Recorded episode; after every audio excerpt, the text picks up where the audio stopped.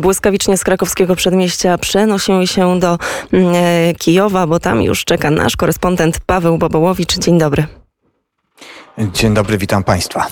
Tak, faktycznie na pierwszych stronach gazet ukraińskie media koncentrują się na rozmowach pomiędzy Stanami Zjednoczonymi i Rosją, e, które zostały zapowiedziane na 10 stycznia, a właściwie nawet już się rozpoczęły w Genewie. W nocy ukraińskie portale opublikowały pierwszy komunikat Departamentu Stanu e, Stanów Zjednoczonych o tej pierwszej rundzie rozmów, która właśnie odbywa się mm, jeszcze wczoraj. Delegacje przybyły do Genewy 9 e, stycznia. Odbyło się także pierwsze spotkanie pomiędzy zastępcą zastępcą sekretarza stanu e, Wendy Sherman i wiceministrem spraw zagranicznych Federacji Rosyjskiej Siergiejem Riabkowem. Ukraińcy zwracają uwagę, że w czasie rozmów Sherman podkreśliła przywiązanie Stanów Zjednoczonych do międzynarodowych zasad suwerenności, integralności terytorialnej i swobody suwerennych państw w wyborze sojuszy, a Stany Zjednoczone z zadowoleniem przyjmą realny postęp osiągnięty dzięki dyplomacji. W oświadczeniu Departamentu Stanu została też zawarta deklaracja, że o ile Stany Zjednoczone Zjednoczone mogą dyskutować z Rosją o niektórych kwestiach dwustronnych, to nie będą dyskutować o bezpieczeństwie europejskim bez europejskich sojuszników i partnerów. Na portalu Ukraińska Prawda zwraca się uwagę, że wcześniej sekretarz stanu e, Antony Blinken stwierdził, że USA są otwarte na dyskusję na temat ograniczeń dotyczących rozmieszczania rakiet i ćwiczeń wojskowych w Europie, ale nie na temat liczby żołnierzy NATO i że Stany Zjednoczone nie spodziewają się przełomu w rozmowach z Rosją na temat temat bezpieczeństwa. Ukraińskie media przytaczają też wypowiedź głównego negocjatora ze strony rosyjskiej, wspomnianego wcześniej wiceministra spraw zagranicznych e, Rosji Siergieja Riabkowa, który po przybyciu na rozmowy powiedział, że NATO musi zwijać manatki i wrócić do granic z 1997 roku, czyli do czasu, gdy również Polska nie była członkiem Sojuszu Północnoatlantyckiego. Nawet niespecjalista rozumie, że domaganie się od Rosji ustępstw w sytuacji, gdy NATO dziesięcioleci stara się wypchnąć nasz kraj i sprowadzić go, jeśli nie do roli podporządkowanego, to w każdym razie do drugiej roli w polityce europejskiej międzynarodowej i to z bezpośrednią szkodą dla naszego bezpieczeństwa już się nie powiedzie, powiedział Riabkow. A wcześniej sugerował, że interwencja na Ukrainie jest możliwa, ponieważ w kraju tym władza jest sprawowana w wyniku przewrotu. Takie słowa to wprost nawiązanie do rosyjskiej propagandy z lat 2014-15, gdy szczególnie podkreślano, że Majdan, rewolucja godności to było nielegalne przejęcie władzy dokonane za pomocą czy z pomocą państw państw e, zachodnich. Ukraiński minister spraw zagranicznych Dmytro Kuleba rosyjskie żądania dotyczące gwarancji bezpieczeństwa, czyli faktycznego zablokowania możliwości członkostwa w NATO, w NATO dla Ukrainy, nazwał wczoraj nielegalnymi i stwierdził, że czas nazywać rzeczy po imieniu, że Putin próbuje wymusić na NATO, Stanach Zjednoczonych i Unii Europejskiej mm, uznanie rosyjskiej strefy wpływów, do jakiej mają być wciągnięte suwerenne sąsiednie kraje. Zimna wojna dawno się skończyła, a z nią strefy wpływów, napisał ukraiński ukraiński minister. Gdy w Genewie trwają rozmowy, które mają mm, nie doprowadzić do nowej wojny, to wojna wciąż trwa na wschodzie Ukrainy. W ciągu ostatniej doby formacje podporządkowane Rosji ostrzeliwały ukraińskie pozycje z moździerzy, granatników, rakiet przeciwpancernych i karabinów maszynowych. Jeden ukraiński żołnierz został kontuzjowany, został ewakuowany do szpitala. Jego życiu nie zagraża niebezpieczeństwo. E, z tych komunikatów, które dzisiaj są publikowane, wynika, że ukraińskie wojska odpowiadały ogniem na ataki. Wciąż e, teoretycznie obowiązuje e, świąteczny rozejm, który został wynegocjowany 24 grudnia, ale on nie przetrwał nawet e, doby. Ukraińskie media też informują, że wczoraj formacje tzw. Tak separatystów nie przepuściły międzynarodowych obserwatorów OBWE, którzy z Ługańska próbowali wjechać na teren kontrolowany przez ukraińskie wojska. Po bezskutecznych próbach międzynarodowi obserwatorzy powrócili do Ługańska. Słowa komentarza, tak zazwyczaj to wygląda, jeśli świat próbuje rozwiązać problemy pomiędzy Rosją a jej sąsiadami sąsiadami. To, drodzy Państwo, Paweł Bobołowicz, korespondent Radia Wnet prosto z Kijowa. Bardzo dziękujemy za ten komentarz. Dziękuję serdecznie, do usłyszenia. Do usłyszenia. My e, o tym, czego możemy spodziewać się po rozmowach Rosja-USA porozmawiamy jeszcze dziś o godzinie 8.45 z profesor Agnieszką Legucką, ale teraz błyskawicznie z Kijowa przenosimy się na Tajwan, bo tam czeka już Ryszard Zalski. Dzień dobry. Dzień dzisiaj, dobry. dzisiaj trochę o sytuacji w Korei ponownie. Nie tylko w Polsce, także w Azji pogorszyła się sytuacja covidowa. Tydzień temu mówiłem o presji zawodowej i zapatrzeniu w sukces materialny w Korei. Dzisiaj kilka słów o problemach gospodarki tego kraju. Jak donosi Al Jazeera, tamtejsi przedsiębiorcy buntują się przeciw restrykcjom narzuconym przez rządy w połowie grudnia aż do 16 stycznia. Wielu przedsiębiorców, w tym restauratorów i hotelarzy, jest nie tylko na skraju bankructwa, ale i zadłużonych. Mimo poniżej 6 tysięcy zgonów i szybkiego powrotu do sytuacji sprzed pandemii, właściciele biznesów skarżą się jednak na znikome i niewystarczające wsparcie rządowe. Zgodnie z danymi Międzynarodowego Funduszu Walutowego, rządy niemiecki oraz japoński wyłożyły na pomoc równowartość ponad 15% PKB, koreański rząd jedynie 6,4%, co przyczyniło się do dalszego powiększenia zadłużenia sektora prywatnego, szczególnie gospodarstw domowych. Podobnie było na Tajwanie, gdzie władze były wobec przedsiębiorców oszczędne z pomocą. I tak niektórzy moi znajomi przedsiębiorcy mieli ogromne pretensje do władz, iż nie ze swojej winy musieli zamknąć restauracje lub szkoły i byli pozostawieni sami sobie. Podobnie było i w Japonii w drugiej połowie 2021 roku. Sytuacja zmieniła się wraz ze zmianą premiera w październiku zeszłego roku. Według badania opinii publicznej z końca grudnia ponad 60% społeczeństwa popiera politykę covidową nowego premiera Fumio Kishidy.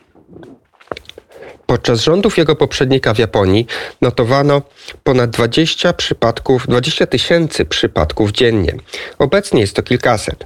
Rząd zamknął kraj przed wjazdem cudzoziemców, skrócił godziny otwarcia gastronomii i będzie subsydiować te biznesy tak, by właściciele mogli utrzymać pracowników. Planuje także wsparcie finansowe dla biednych rodzin. Dodam tu, iż azjatyccy przedsiębiorcy są w większej mierze przyparci do ściany niż europejscy i amerykańscy. A to między innymi dlatego, że azjatyckie rządy są mniej skore do rozdawania pieniędzy na pomoc i na świadczenia socjalne. Dziękuję bardzo i życzę miłego dnia. Bardzo serdecznie dziękujemy. Ryszard Zalski i to oczywiście studio Tajpej w Radiu Wnet. Ja tylko powiem, że na naszym zegarze punktualnie wybiła godzina 7.40, a my teraz z Tajwanu błyskawicznie przenosimy się na Bliski Wschód, przenosimy się do Libanu, bo tam czeka już Kazimierz Gajowy. Dzień dobry. Y, dzień dobry pani redaktor, dzień dobry państwu. Y, dziś z Libanu będzie też y, dużo różnych odgłosów.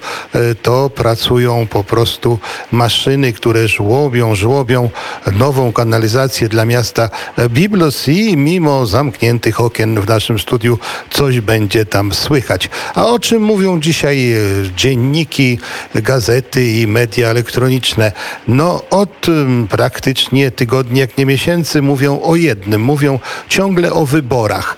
No, e, czy w Libanie wybory parlamentarne są kluczem do zmian? Tak pytają wszystkie dzienniki. E, choć wybory nie są panaceum, e, pozostają jednak mimo wszystko najlepszym w tym przypadku i chyba jedynym sposobem na przedefinowanie wewnętrznej gry politycznej. I tego najbardziej Liban potrzebuje. No, po raz pierwszy od rozpoczęcia się w październiku 2019 roku masowych demonstracji, nazwanych później rewolucją Saurą, Libańczycy będą mieli okazję odnowić e, całą lub e, przynajmniej część e, klasy politycznej podczas tych wyborów, które no, mają się odbyć 15 maja. No, media libańskie stawiają dwa zasadnicze pytania dzisiejszego poranka. Przede wszystkim, czy czasami w ostatniej chwili przed wyborami jakieś wydarzenie typu, nie daj Boże, wybuchu w Bejrucie nie zablokuje wyborów. Czy one rzeczywiście e, będą możliwe. No i drugie pytanie, e, czy nawet jeżeli się odbędą te wybory, czy Lebańczycy rzeczywiście skorzystają e, z tej okazji? Czy nie będzie miało miejsce kupowanie głosów? A to już było w historii, że od 10 nawet do 100 dolarów taki głos jeden mógł być płacony. No w tej sytuacji tragicznej kryzysu libańskiego, kto wie, czy nie pokusi się ktoś właśnie właśnie na to, żeby wziąć pieniądze i zagłosować tak, jak ci panowie w polityce sobie życzą i czy w ogóle będą mieli odwagę, bo wiemy, jaka presja jest poszczególnych partii, zwłaszcza tej jednej, jedynej, która jeszcze jest uzbrojona na swoich, powiedzmy, no, powiedzmy współobywateli, a zwłaszcza należących do tej samej grupy etnicznej i religijnej. No i drugi punkt, o czym dzisiaj piszą wszystkie gazety, to zawsze o tym, co powiedział e, ksiądz kardynał patriarcha Maronitów, e, ksiądz e, Butros Psiara Rai, bo to jest zawsze poniedzieli się komentuje, co on powiedział. No i przede wszystkim y, powiedział coś bardzo, bardzo ważnego. Powiedział, że to, że y, wybrany 10 września nowy gabinet, nowy rząd y, pana Nadziba Mikati już od kilku miesięcy w ogóle się nie spotyka i nie robi żadnych zebrań ani żadnej praktycznie działalności, jest to po prostu no, zbrodnią.